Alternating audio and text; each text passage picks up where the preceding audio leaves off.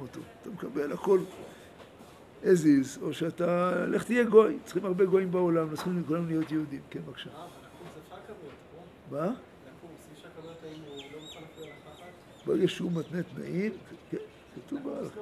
לא, לא קוראים אותו, כן. הלל עשה פה משהו לפני שורת הדין. שורת הדין זה כמו שמאי, שמאי צודק. הוא פעל על פי ההלכה שמאי. כן, מה אתה מתנה תנאים פה? הר סיני, משה רבנו קיבל תורה שבכתב תורה שבעל פה, לא מתנים שום תנאים. אין לנו מצווה אחת שאפשר לקיים בלי תורה שבעל פה. חיי העולם אתה בתוכנו. התורה שבכתב, אומר כתב הקבלה, זה אותיות מתות. מה שהופך את התורה לתורת חיים זה תורה שבעל פה.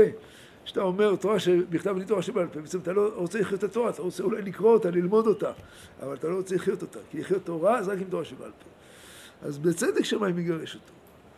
והלל עשה פה משהו משורת הדין, וגם שהוא רצה ללמוד תורה, רק אה, להתגייר, שהוא לומד רק על רגל אחת. רגל אחת הסביר הרב, זה על פי הרגש. כלומר, כל המצוות וההלכות שהן מוסריות, שהוא מזדהה איתן, שהוא מתחבר אליהן, הוא מוכן. המצוות וההלכות שלא מתחבר, כן, ששייך לרגל השנייה, אז הוא לא מוכן, אז שמאי גירש אותו. מה זה קשור? את המצוות מקבלים שכליות, שמיות, מתחבר, לא מתחבר, הכל אנחנו עושים. והלל קיבל אותו גם כן, גם כן, זה לפני שורת הדין. אז ראינו שהרב הסביר שהראשון שרצה תורה שנכתב לו תורה שבעל פה, כן, אז הרב אמר, לפעמים יש באדם יתרונות וחסרונות, כן, אז אנחנו אה, על סמך היתרונות שבו משערים שיש גם כל מיני דברים שהם תנועים בפנים, והיתרונות שטמונים בפנים יתגברו על החסרונות. ככה ההסבר הראשון. בהסבר השני, על רגל אחת אומר הרב, שעוד חידוש שהלל מחדש לנו, למה הוא קיבל אותו? אומר בחיסרון עצמו, שהאדם מוכן לקבל רק את התואר שהוא מקבל ומתחבר, החיסרון עצמו הוא גם יתרון. למה? כי זה... מה? כי הוא מוכן לקבל תורה בכלל. לא רק זה, לא, זה יותר מזה, לא, לא, הלל ראה יותר מזה. זה שהוא מבין שתורה צריכה להתחבר ללב זה דבר נכון. תורה צריכה להתחבר ללב, וצריך למצוא את המוסר שבתורה. זה אדם מוסרי. הוא לא מבין מה מוסרי שעטנז, הוא לא מוכן. הוא לא מבין מה זה מוסרי תפילין, הוא לא מוכן. אבל ברגע שהוא יבין שכל המצוות יש להם טעמים מוסריים עמוקים מאוד, אז הוא יתחבר להכל. כי באמת כל המצוות הם טעמים מוסריים, בכולם. חלק יותר גלויים, חלק פחות גלויים. ילד קיבל אותו. כי ברגע שהוא רואה שזה אדם מוסרי, אלא מה, בהמשך יתברר שהמוסר של התורה הוא הרבה יותר ממה שהוא רואה כרגע. זה לשאול משהו.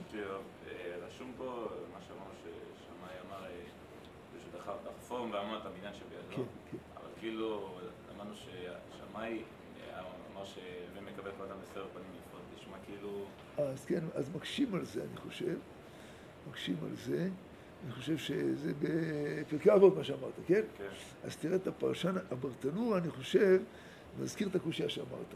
אני לא זוכר מה הוא תרץ. תראה מה הוא תרץ שם, כן. הוא מתייחס באמת, מביא את הגמרא הזאתי, אני חושב שיש לו איזה תירוץ שם. תראה את הברטנור שם. כן. מישהו רוצה לשאול משהו? נמשיך. היום נראה מקרה שלישי. מקרה שלישי, שבדף שנתתי לכם, בעמוד 144, שוב מעשה, וזה המקרה באמת הכי הכי קיצוני, מעשה בעכו"ם אחד, שהיה עובר אחרי בית כנסת, ושמע כל סופר שהיה אומר, אלה הבגדים אשר יעשו חושן ואפוד. אמרו לו, אמר, הללו למי הבגדים האלה? אמרו לו לכהן גדול. זה הפרשיות של המשכן של כהן גדול. אמר אותו עכו"ם, בעצמו אלך ואתגייר, בשביל שסימוני כהן גדול. בא לפני שמאי, אמר לי, גיירני על מנת שתשימני כהן גדול. כלומר, אם אתה לא שם אותי עכשיו, אתה חותם לי עכשיו, כהן גדול, אני לא מוכן להתגייר. דחפו בעמד עניין שבידו. בא לפני הלל, גייר אותו. אתה רוצה כהן גדול? באמת חסר לנו כהנים גדולים? בוא, תצטרף לה. תעשה גיור אחרי זה, תרצה בקורס כהנים גדולים. אלא אמר לו הלל, תשמע, פה זה משהו מיוחד, אין מעמידים מלך, אלא מי שיודע תכסיסי מלכות. אתה רוצה להיות מלך, ראש ממשלה, צריך ללמוד קודם כל פוליטיקה, מה הכללים של הפוליטיקה. אז ככה, אתה רוצה להיות כהן, לך תלמד את כל דיני כהונה. הלך וקרא, הגיע לפסוק, הזר הקרב יומת. אמר, מקרא זה על מי נאמר? אמרו לו, אפילו על דוד המלך. כן, אז הוא כבר הבין בעצמו שזה לא שייך. אז עוד פעם, למה שמאי דחף אותו ולמה הלל קיבל אותו? למה שמאי דחף אותו זה מאוד ברור. מאוד ברור, כי באמת זה המקרה הכי קיצוני. אומר פה הרב, לפעמים צריך להכיר, כמו שראינו את הלל עד עכשיו, כוח יתרון באדם בשביל שמפנה לבבו אל הטוב האמת. הגויים הקודמים, עצם זה שגוי מוכן לעזוב את אומות העולם ולהצטרף לעם ישראל המוכה החבול, כן, ממילא לעם ישראל לא היה מצב מזהיר, ולקבל לעצמו תורה, ראינו כל מיני סרטות ותנאים, אבל בכל זאת, עצם המוכנות הזאת, אז אף על פי שאינו מוצא את האמת מפני סיבות מונעות, כן, הוא רוצה בתורה שבעל פה, הוא רוצה רגל אחת, אבל הרצון המתיילד בלב הגוי הזה, לדרוש את הטוב, את האמת של עם ישראל, זה דבר טוב ונכבד. אז אפשר להבין למה הלל בפעמים הקודמות ראה פה איזה ניצוץ של אור בגויים האלה וקיבל אותם. היו דברים משונים, לכן שמאי דחף אותם. אבל הלל ראה פנימה את הניצוץ החבוי וקיבל אותם. לקורס בהמשך הוא הפך אותם כמובן. אבל במקרה הזה הכי קיצוני. האם הגוי הזה בא באמת להתגייר? מה קרה איתו? מה הגמרא אומרת? הוא הלך לטייל, הוא הגיע פה לארץ לטיול. כן, הגיע לטיול, הוא כמו איזה תייר בארץ, ועברו באיזה שכונה, ובבית כנסת הוא כנראה ידע עברית. שמע, בבית כנסת שם, שם למד מקריא לתלמידים את הפסוקים של פרשת המשכן. במקרה, במקרה, יכול שהיה מגיע עוד שעתיים, הבית כנסת היה סגור. במקרה למד הקריא לתלמידים את פסוקים פרשת המשכן, והוא ידע עברית ושמע את זה. והתלהב מכל הכסף, הזהב, הארגמן, ומידי כל הוא התלהב, עצר, נעצר. ושמאוד התלהב מהבגדים, זה בגדים יפים, מה זה הבגדים האלה? אמרו לו, כהן גדול, פתאום, אתה יודע מה? נהיה יהודי. כאילו, לא שהוא חשב על זה לפני זה, הלך, התייעץ, כמו הכוזרי שהמלך כוזר, לא.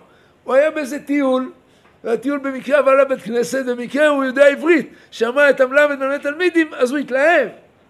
אבל לכאורה התלהבות כמו שהיא באה, ככה יכול ללכת, לא?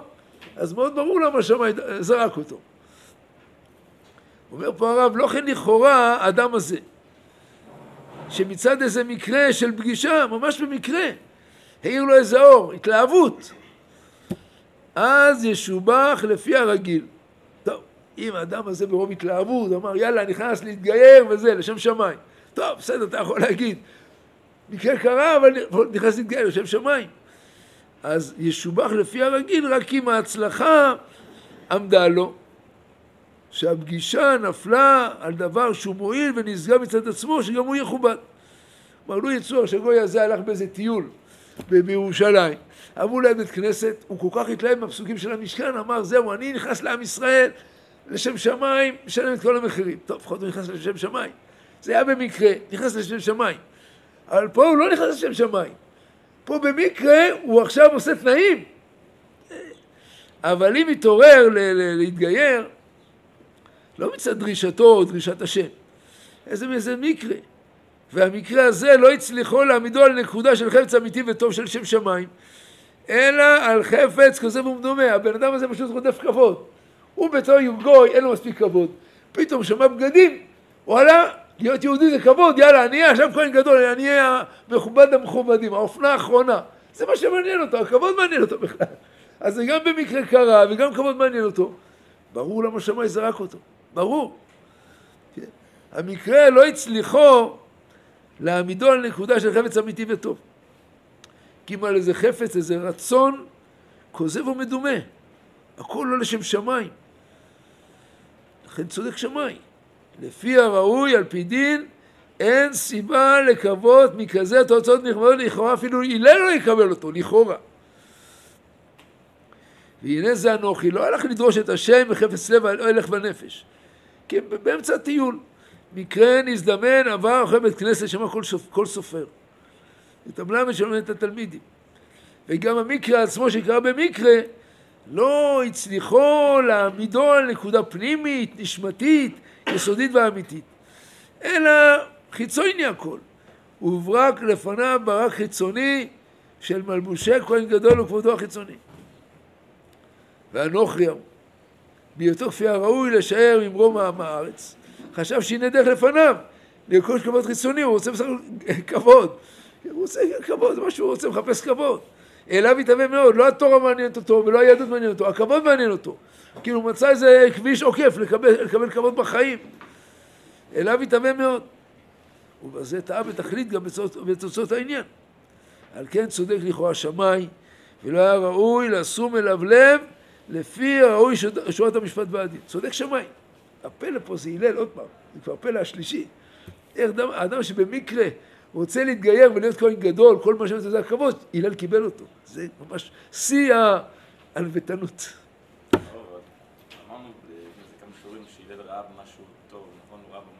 כן, אז עוד פעם, גוי, גוי שהרבה שנים חשב, חשב, חשב, ובא להתגייר, רק יש איזה תנאי לתורה שבעל פה. גוי שחשב, חשב, חשב, הוא מוכן על רגל אחת. אבל הגוי לא, זה אפילו לא חשב. הוא עשה טיול בארץ ישראל. היה במצדה, היה רמת הגולן, היה לא יודע איפה היה, טייל בירושלים, אחרי בית כנסת, שמע את הכל סופר, אומר אני מתגייר. זו התלהבות של ילד. וגם הוא לא עושה להתגייר באמת, הוא עושה להיות כהן גדול, אתה כן, מה, מה, מי היה צריך לזרוק אותו דרך החלון בכלל, ככה אני חושב. בוא שמאי, שמאי צודק. ככה אני חושב. בדיוק לא קיבל אותו. מה פתאום קיבל אותו? נראה כאילו... לא הגיוני. כל אדם, כאילו, שלוש פעמים שהוא גייר, כאילו... כן, אבל זה הכי קיצוני. אומר הרב, זה המקרה, לא, חז"ל בכוונה דרגו את זה, זה המקרה הכי קיצוני שיש פה. לכאורה אין פה בכלל אפילו ניצוץ, ניצוץ אפילו אין פה, כלום. כן. גם הרמח"ל כותב בזהירות שמי שבא כאילו לתורה בשביל שיהיה לו כבוד למעלה בשמיים, כן. אז בסדר, טוב, אבל הוא כבר יהודי, הוא כבר יהודי, אבל גר שככה בא מבחוץ, כתוב שקשים גר כספחת, הוא בא עם כל הגויות שלו, עם כל הבעיות שלו, יכניס לנו רק רעלים לעם ישראל, לא רוצים כאלה, רוצים גרי צדק, לא רוצים כאלה גרים, לכאורה. אבל הלל קיבל אותו. מה פתאום? אתה יכול להיות כהן גדול? אתה כהן? גם אני לא. מבין? הבן אדם שרוט. אז איך הוא קיבל אותו, אתה מבין? איך הוא קיבל אותו? הבן אדם שרוט. זה פורים, נראה כמו פורים שפיל, כמו איזה חגיגת פורים כל הדבר הזה, אה? זה לא מעט דברים שהלל מקבל אותו? זהו, אתה מבין? לא. כי הלל הבין שהוא יבין את הטעות שלו, אתה מבין? כמו שהגוי הראשון הבין לאט לאט בלי תורה שבעל פה אי אפשר. כמו שהגוי השני הבין על רגל אחת אי אפשר, אי אפשר רק מצוות שמתחברים. צריך את כל המצוות גם שלא מתחברים. הלל הבין שהגוי מהר מאוד יבין את הטעות שלו, על זה הוא בנה. רק איך הוא האמין בו, זה השאלה, איך הוא האמין בו. הבן אדם באמת מעולם לא עשה להיות יהודי. זה פתאום בשנייה אחת נפול לו איזה, איך אומרים, אסימון התלהבות, שיכול להיות שעוד שנייה גם תלך, אתה מבין? אז מה הוא קיבל אותו בכלל? מה הוא קיבל אותו? הרב, אז איך הלל ידע שבסוף הבן אדם הזה להתגייר, כאילו... רוח הקודש של הלל, רוח הקודש של הלל, אין, אין לי הסבר אחר. זה רק הלל, לכן זה הלל, זה לא... הלל אמר לו שהוא לא יכול להיות בן אדם, הוא לא, הוא הבין לבד. שאמרו לו, הוא הגיע, הוא למד פה, אז רק ערב יומת. אמרו לו, מי זה רק ערב יומת? אמרו לו, אפילו דוד מלך ישראל הצדיק, הגיבור הקדוש, מתקרב למשכן מת. אתה מבין? אה, בסוף הוא לא... אז הוא הבין, אז הוא הבין, שרק כהנים נכנסים, הוא לא כהן בכלל. אז הוא לא התגייר מתוך העניין הזה. לא, בסוף הוא לשם שמיים. בסוף שם שמיים, כן, אבל זה שהלל בכלל נתן לו את הצ'אנס, נתן לו את הצ'אנס, זה פלא. בא לפני הלל גיירי. אז אם כי בעצם הזדמנות המקרה להתעורר לחפץ טוב, אין זו עדות על יתרון הכישרון לטוב שבאדם ההוא. כמו שאמרנו, כל המקריות הזאת וכל הרצון לכבוד, זה דבר מוזר, חיצוני, אין מה להתייחס אליו בכלל. אז למה להתייחס אליו? אומר הלל, מצד ההשגחה העליונה, המסובבת מאדון כל, אל דעות אשר לא נתקלו עלילות, אין ספק בדבר להלל שאין שום מקרה, אין מקרה בחיים. מה יש בחיים? רק מהשם. מקרה אצל הלל זה אותיות רק מהשם. אפילו שהיה באיזה טיול מקרי בירושלים, זה רק מהשם, ובדיוק כשבדיוק הוא עבר לבית כנסת, זה רק מהשם הלל אומר, זה לא סתם ככה. זה הכל מהקדוש ברוך הוא. אין מקרה בחיים. אין מקרה בחיים, אומר הלל. ככה אומר. אין ספק בדבר שאין שום מקרה שאין לו ערך ראוי להתבוננות. על כן אומר הלל בליבו ככה. נחשב גם כן המאורע הזה, המקרה הזה, שדווקא זה האיש הגוי הזה, יעבור בית כנסת, בדיוק בעת לימוד זה הפסוק, כן, איך אומרים, בסטטיסטיקה זה אפילו לא אחד למיליארד, אבל ככה זה קרה, ככה זה קרה, כן, ודווקא על ידו התעורר לרעיון גדול כזה, להתהפך, הוא בחיים לא חשב על דבר כזה, להתגייר, ואפילו אם היותו מיוסד יסוד מטה, הכל לכאורה קרה בטעות, הכל טעות, על יסוד מטה שהוא להיות כהן גדול. מכל מקום, מה הלל אומר? אם לא הייתה בעומק נפשו איזה נטייה גדולה לטוב ואמת, לא הייתה באה לידו זו הזדמנות. כי באותה קבוצה נגיד היו שלושים גויים, אולי חלקם ידעו עברית, אף אחד לא התעורר לדבר הזה. רק הגוי הזה התעורר, למה? כי היה לו איזו נקודה פנימית שפתאום נדלקה לו, פתאום נדלקה לו, זה לא לחינם. הנשמה שלו מהר סיני עכשיו נדלקה, כך אומר הלל. זה השם זימן את הדבר הזה. כל הגויים האחרים שידעו עברית לא נדלקו, הוא נדלק. למה? זה בית השם הייתה זאת. אם לא הייתה בנפשו נטייה גדולה לטוב ואמת, לא הייתה באה לידו זו ההזדמנות. לכן, גם איש כזה, אשר כמובן לא חסר לו כבוד מצבו, כנראה שהוא היה איזה אדם מכובד הגוי הזה.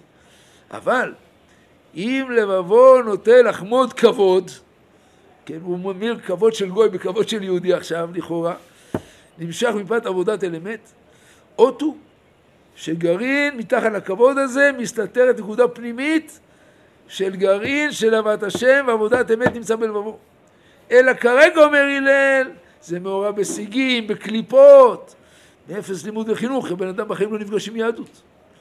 על כן אומר הלל, חובה מתגדלת מבלי לדחותו, ולהתאמץ, לצרף את סיגיו, להוריד את כל המסכים, עד אשר הנטייה הפנימית, על שם שמיים שבו, לחמדת אהבת עבודת השם, תצא צרופה ונקייה כזהב בעצם טהרתה.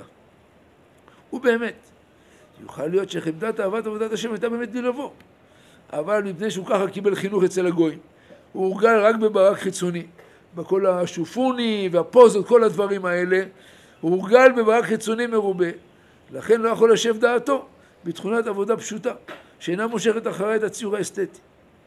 על כן, בשומו, שנמצא תכסיס עבודה בישראל עם הוד והדר והכנה מברקת, כן, הבן אדם כל הזמן חונך על יופי, כל החיים שלו. פתאום מצא שבעם ישראל יש יופי, הוא נמשך לעם ישראל. כי הוא יודע, מה שיש יופי זה מה שהוא יודע כרגע.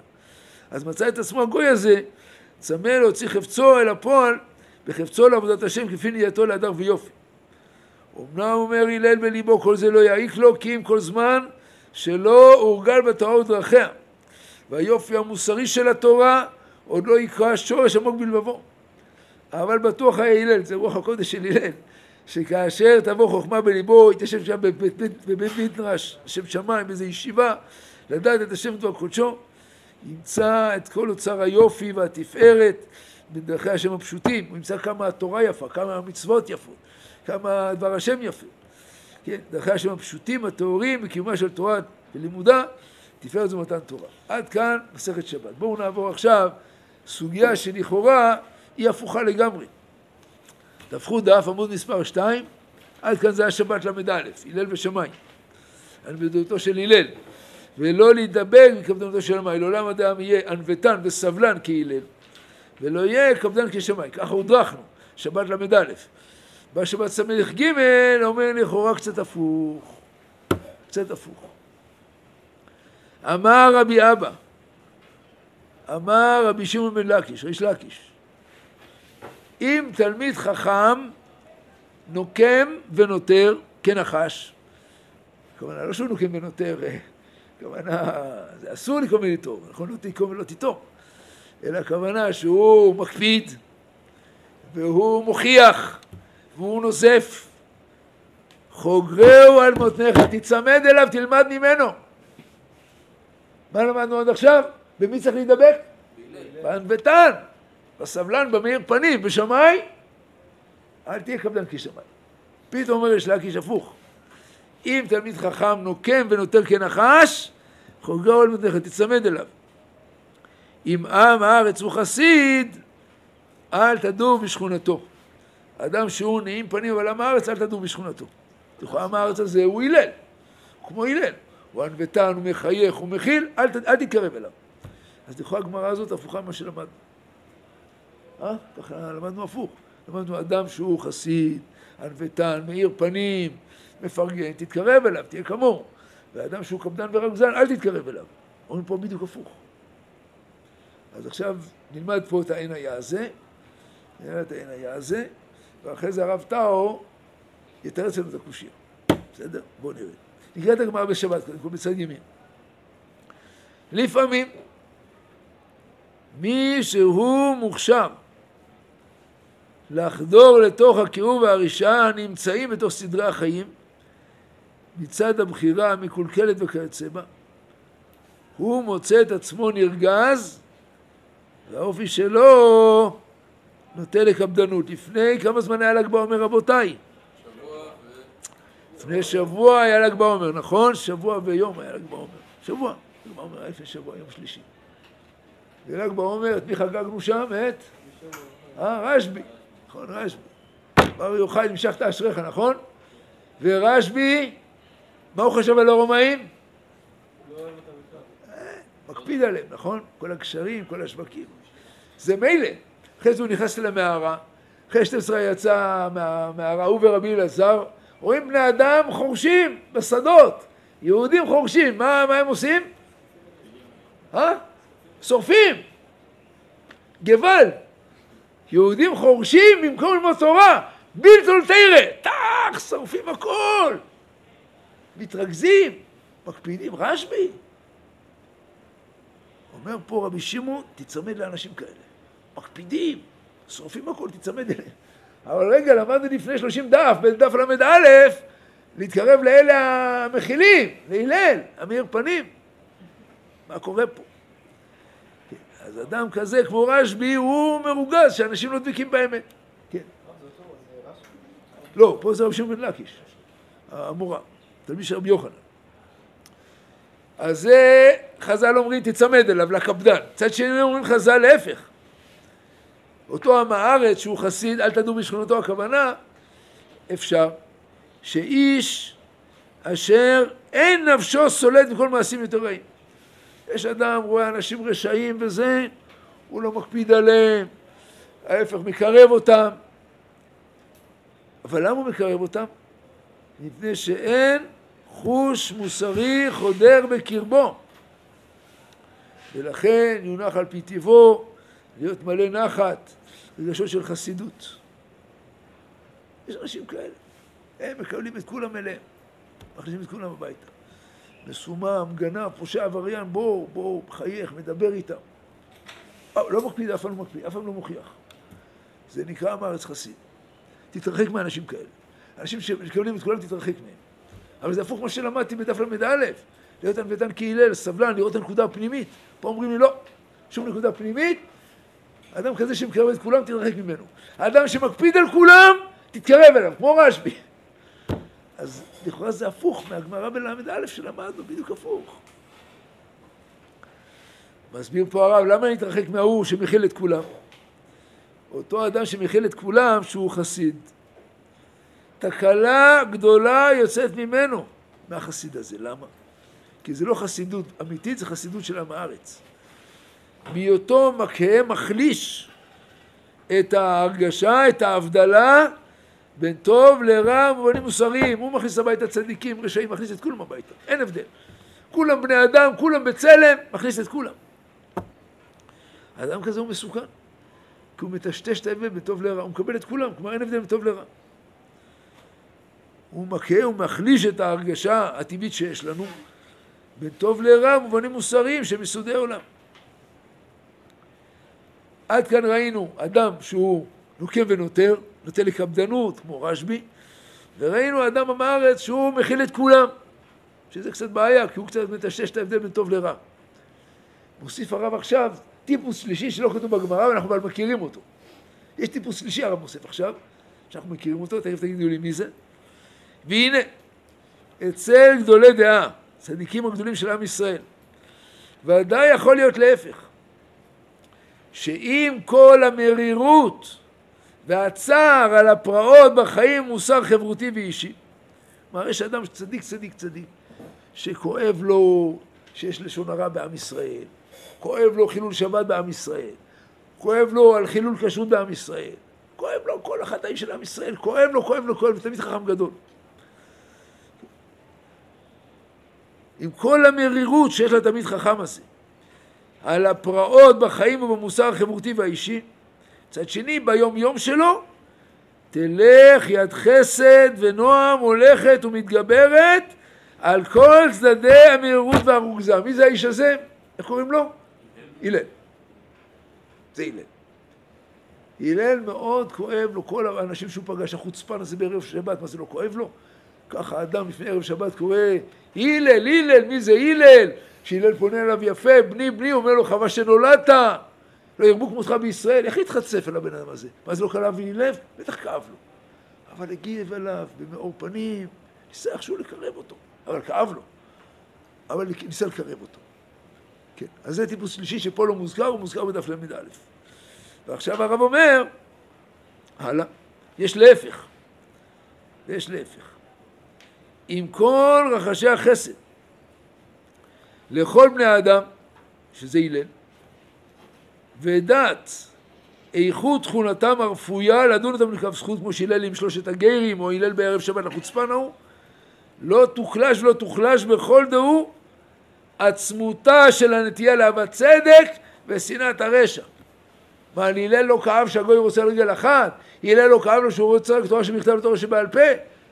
לא כאב לו שבא איזה גוי רוצה להיות כהן גדול? בטח כאב לו. אבל האמין שיש פה איזה נקודה פנימית שצריך לעורר אותה. שהדרך לצדק בסוף תגיע. כי הלל הוא שואף צדק. הוא לא מכיל לכולם, הוא לא מוותר. רק הדרך יותר ארוכה. לעומת זאת ראינו שמאי, או רשב"י. אבל אם נראה תלמיד חכם, בעל אופי רגזנות, קפדנות, כמו שמאי עם שלושת הגיירים, או רשב"י, כלפי מה שראינו שם שיוצא מהמערה, נדע שזה רגזנות לשם שמיים, שבא לו מכוח חדות רעותו את הכיעורים והנבלות שבחיים, כן, רבי יהודה בר אלי אומר, הרומאים כמה טובים, קשרים שווקים, אומר רשב"י, הכל שם זה שחיתות, זה יפה בפנים, בחוץ, הכל רקוב בפנים, ככה הרשב"י אומר לרומאים, ואחרי זה גם כלפי אחיו היהודים, מה זה פה חורשים, איפה התורה? כן, אז מכוח חדות רעותו, את הכיעורים והנבלות בחיים, ועומק התמרמרותו על הצדק והאמת הנרמסים. אז זה יש שמיים, וזה רשב"י. אז איך אנחנו צריכים להתייחס אליהם? חז"ל אמרו לעולם יהיה אדם בחיים שלו, בהתנהגות שלו, ענוותן כהלל ולא קפדם של שמיים. פיצה דעת שני פה אומרים לנו, תתחבר, תתחבר אליו. אז חז"ל סותרים אחד את השני. אומר הרב, לא סותרים, תכף נראה, לא סותרים. אומרים חז"ל, אם הוא נוקם ונותר כנחש, כמו שמאי וכמו רשב"י, חוגר על מותניך. תתקרב אליו, תשמש אותו, תקשיב לו. למה? כי תרוויח הרבה. בבליטת החוש המוסרי היוצא לאור על ידי אורה של תורה. תכף אנחנו נרחיב בדבר. לעומת זאת, אם האמרץ הוא חסיד, דהיינו האדם שמחייך לכולם, מקבל את כולם, כולם בצלם, הפושעים והצדיקים, הגנבים ולומדי התורה, כולם בצלם, כולם נכנסים אליו הביתה. הוא חסיד, נח ושוקט, אדם כזה הוא סכנה גדולה, אומרים חז"ל. סכנה יש בדבר. למה? כי אין לו את ההתעוררות, אין לו את ההרגשה של הכיעור והתיעוב העולמי. הוא לא מזדעזע מכל החטאים שיש בעולם. לכן הוא מקבל את כולם. ומילא אדם כזה עלול להשפיע על כל, להשפיע על כל מקורביו ואת אותה חולשה מוסרית. על כן אל תדעו בשכונתו. כל פנים, עדיין יש פה איזו סתירה. שצריך ליישב אותה. כן, בין דף ס"ג לל"א. אדם מאיר פנים, תתרחק ממנו. אדם קפדן, תתקרב אליו. בל"א למדנו הפוך. כן, ענוותן, תהיה בדיוק כמוהו. קפדן, אל תהיה כמוהו. אז הרב תור עכשיו עושה לנו תירוץ. תירוץ, כמו בגמרא. נכון, יש בין הגמרות, יש תירוץ. הרב טאו מתרץ. אומר הרב טאו, מאמר חז"ל זה מחדד ומשלים, לא כשהוא לא סותר, הוא משלים את הבנת דרכם של שמאי והלל. נכון, שביחס לשמאי למדנו שהאדם, כל אדם מישראל צריך להיות אל יהיה קפדן כשמאי. חס וחלילה להיות קפדן כשמאי. למה? כי הוא הקפיד לשם שמיים, ואתה אם תקפיד, יכול להיות שזה מתוך גאווה, יצרים רעים, התנשאות וכולי, אל תקפיד. שמאי ראוי להקפיד. הוא היה צדיק גדול. הקפדה שם הייתה לשם שמיים, הביאה תועלת. הקפדה שלך, אתה אדם קטן, יכול לעבוד מתוך גאווה והתנשאות. אל תקפיד. זה נכון. זה דף ל"א. אבל יש עוד דבר שעד עכשיו לא דיברנו עליו, עכשיו אנחנו מדברים עליו, זה ס"ג. אין זה אלא כהדרכה מעשית. דהיינו, לא יהיה אדם רגיל להיות מוחה, מבקר את הכל, מבט של קנאה וזעם. כי אין מידה זו מתאימה אלא לאדם גדול, צדיק וקדוש. ש... כן, הוכיח תוכיח את עמיתך, אומרים חז"ל, אומר, אומרת התורה בפרשת קדושים, הוכיח תוכיח את עמיתך.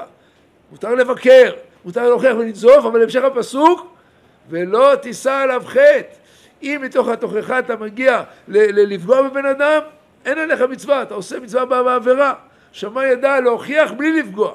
אתה אם תוכיח אתה תפגע, לכן אל תוכיח. אין מידה זו מתאימה של הקפדנות, אלא לאדם גדול, צדיק וקדוש, בהנהגת היום יום. ואינה ניתנת לחיקוי והעתקה. אם שמיים מקפיד זה לא אומר שאתה יכול להקפיד, לא. אבל מה כן תלמד משמיים, וזה דף אה, ס"ג. אולם למרות זאת, ראוי לכל אדם להתקרב אליו. אל תהיה כמוהו, אבל תתקרב אליו. אז אני לא מבין. להתקרב להיות כמוהו? לא. להתקרב כן, להתרחק לא. תתקרב ואל תהיה כמוהו. למה? מה, מה הקרבה תעזור? זה נקרא חגור על מותניך. ראוי לכל אדם להתקרב לתלמיד חכם כזה. למה? כדי לקנות ממנו את החוש המוסרי החריף, את האכפתיות. תכף ניתן דוגמה. את היחס הפנימי של אהבת הטוב, האמת והסלידה מהרע ומהשקר. יחס אמיתי, היחס, היחס, שאינו מתפשר, אלא מתקומם כנגד כל רע. תן דוגמה. שמעתי פעם מהרב צוקרמן, זיכרונו לברכה. הרב צוקרמן סיפר, תלמיד חכם חשוב בירושלים, לפעמים בשבת היה מגיע לצומת רמזורים, לעשות שם מכוניות לצערנו בשבת בירושלים, עומד בצומת ומתחיל לצעוק. שבס, שבס, ככה, צועק, בכאב, שבס. אמרו לו, רב יהודי, למה אתה פה? מה זה מה פה? יהודים נוסעים בשבת, איסורי סקילה, זה עושה חור בספינה של עם ישראל, איך אפשר לא לצעוק?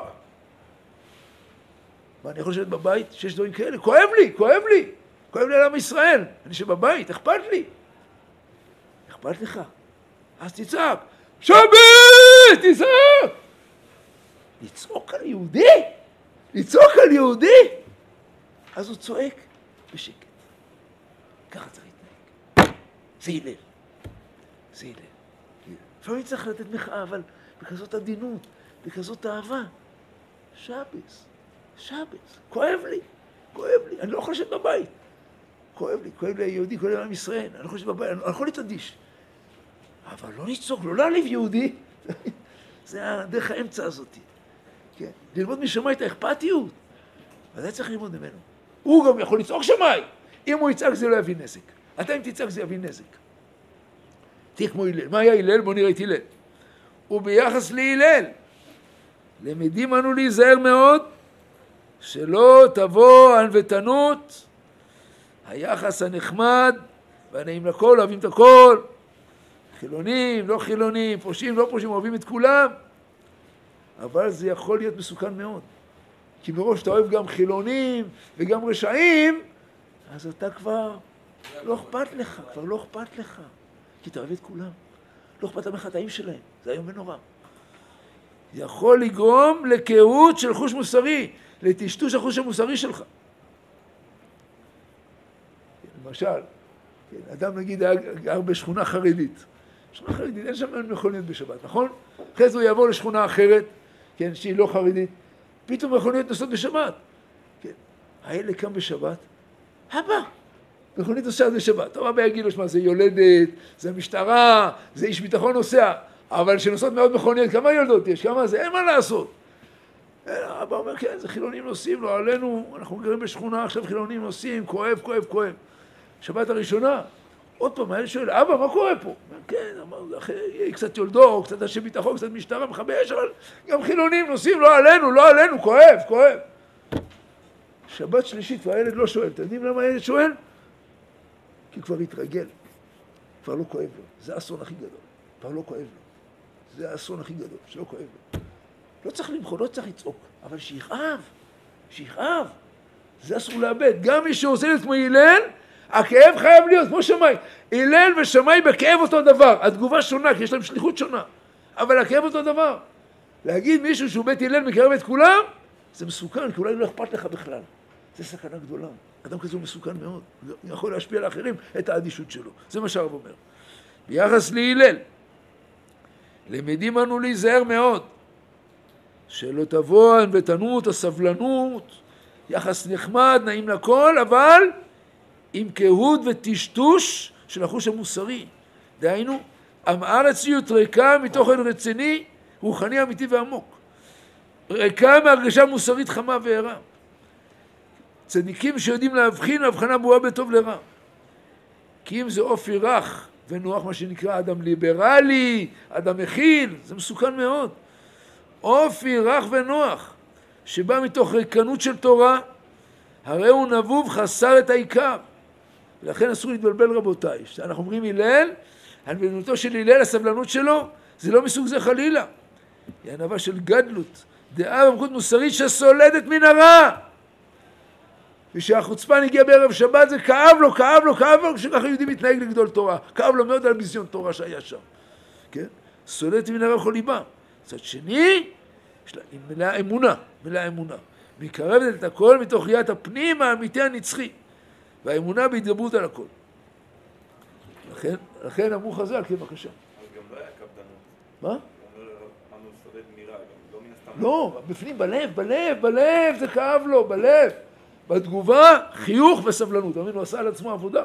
כואב בלב, מאיר פנים בחוץ. שמאי. אדם- שמאי זה כואב בלב, תוקע בחוץ, כועס בחוץ. אצלו הפנים והחוץ ביחד, שמאי. זה התפקיד שלו. כמו רשב"י, בסדר? כמו רשב"י. כואב בחוץ, צועק. זה יש אנשים, זה התפקיד שלהם. והם לא יגרמו נזק. זה שניהם קו, אבל התגובה כאילו...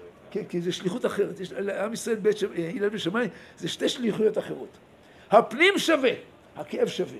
התגובה, שליחות אלוקית אחרת לכל אחד.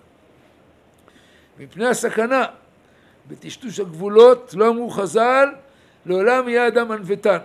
אלא ענוותן כהלל, כהלל. מפני שרק מתוך קשר ישיר וחי, קשר לימודי, שימושי, תכוף לדמותו של הלל. הצדדים הפנימיים של הלל והחיצוניים שלו, לא רק את החוץ של הלל צריך ללמוד, גם את הפנים של הלל. עיון, הבנה והעמקה.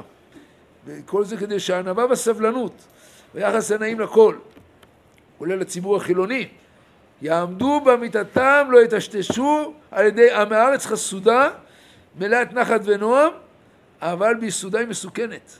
היא עומדת החוש מוסרי, הבולעת ומבוללת ומטמאת את כל מי שבא בתוך האקלים החברתי והנפשי, אפילו רק בשכונתו. מה השעה עכשיו, חברים? וחצי. עוד סיפור קטן.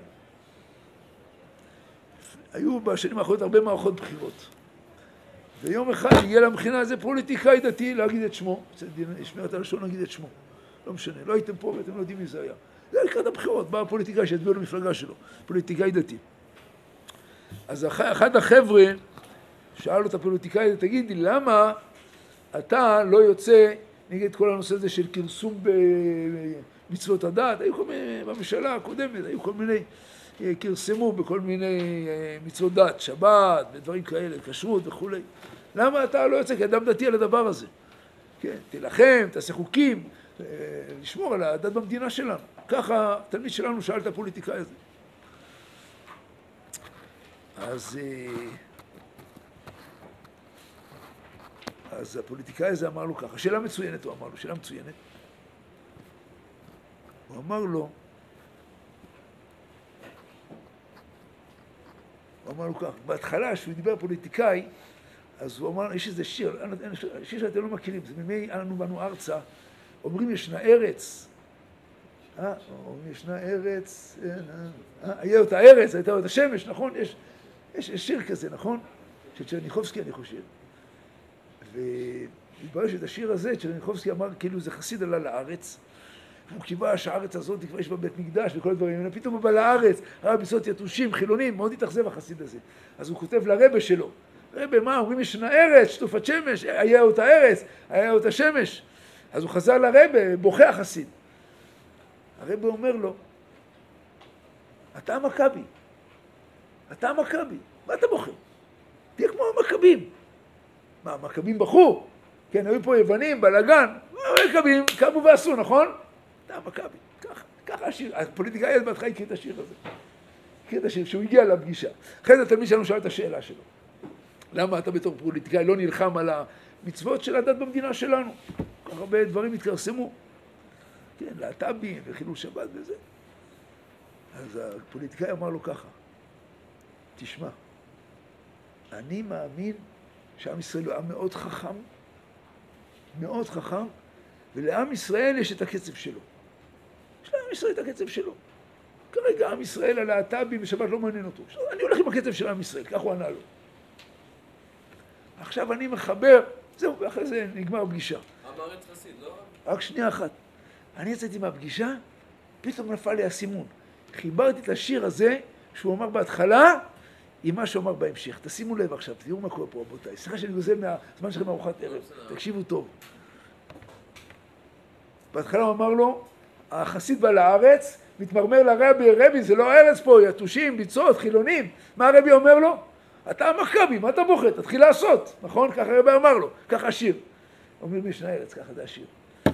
שהתלמיד שואל את הפוליטיקאי הזה, שמע, מכרסמים פה את מצוות הדת וכל זה, הוא אומר, שמע, אני בעם ישראל, עם ישראל זה כמעט כמעט, בדרך שלו, ככה הפוליטיקאי אמר.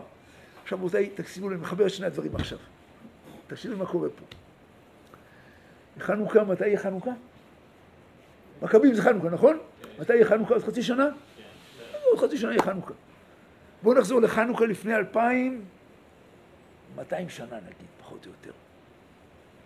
נגיד עכשיו במנהרת הזמן, אנחנו עכשיו, יש פה יוונים בארץ, יש פה יוונים, והיוונים גוזרים גזרות על השבת, על המילה, על התורה, על הטהרה, גוזרים גזרות, אנטיוכוס. מתתיהו באיזה עיר גר? בעיר מודיעין, נכון? בעיר מודיעין. באים יהודים למתתיהו, מתתיהו, מתתיהו, אתה מכבי, נכון? המכבי. היוונים גוזרים גזרות, שבת, ברית מילה, תורה, מתתיהו תעשה משהו.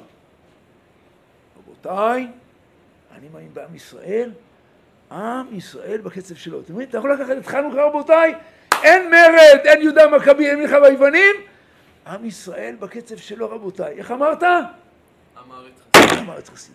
זה אפשר להפוך את מתתיהו לעם הארץ חסיד, אין בעיה, תשכתב את ההיסטוריה. רבותיי, מתתיהו לא עם הארץ חסיד, שבאו ואמרו לו, שבת בזה הוא פרץ במרד, אין דבר כזה, אין דבר כזה. כלפי היוונים להיות ענוותנים, סבלנים, מה זה הדבר הזה? כן? פה גוזרים גזירות על, על הארץ, כל זה. לאט לאט, וזה בקצב שלו, עוד 100, 200, 300 שנה, פה מחללים שבת, להט"בים, בלאגן, ואתה ככה, לא אכפת לך. יכול להיות שבטקטיקה איך לעשות, זה עוד שאלה איך עושים. יכול להיות שיכאב לך, שתבכה על הדבר הזה. יהודים בשבתות עובדים בקניונים, כן, מסיעים אוטובוסים, להט"בים, כל הדברים, כל המצעדים האלה, אתה צריך לבכות, לעשות קריאה קודם כל. איך להגיב, אני לא יודע איך להגיב, אבל לבכות! כמו הזקן הזה שבשבת אנחנו צועק, שבס, שבס. להיות שיכאב לך. עד כאן רבותיי, כל טוב.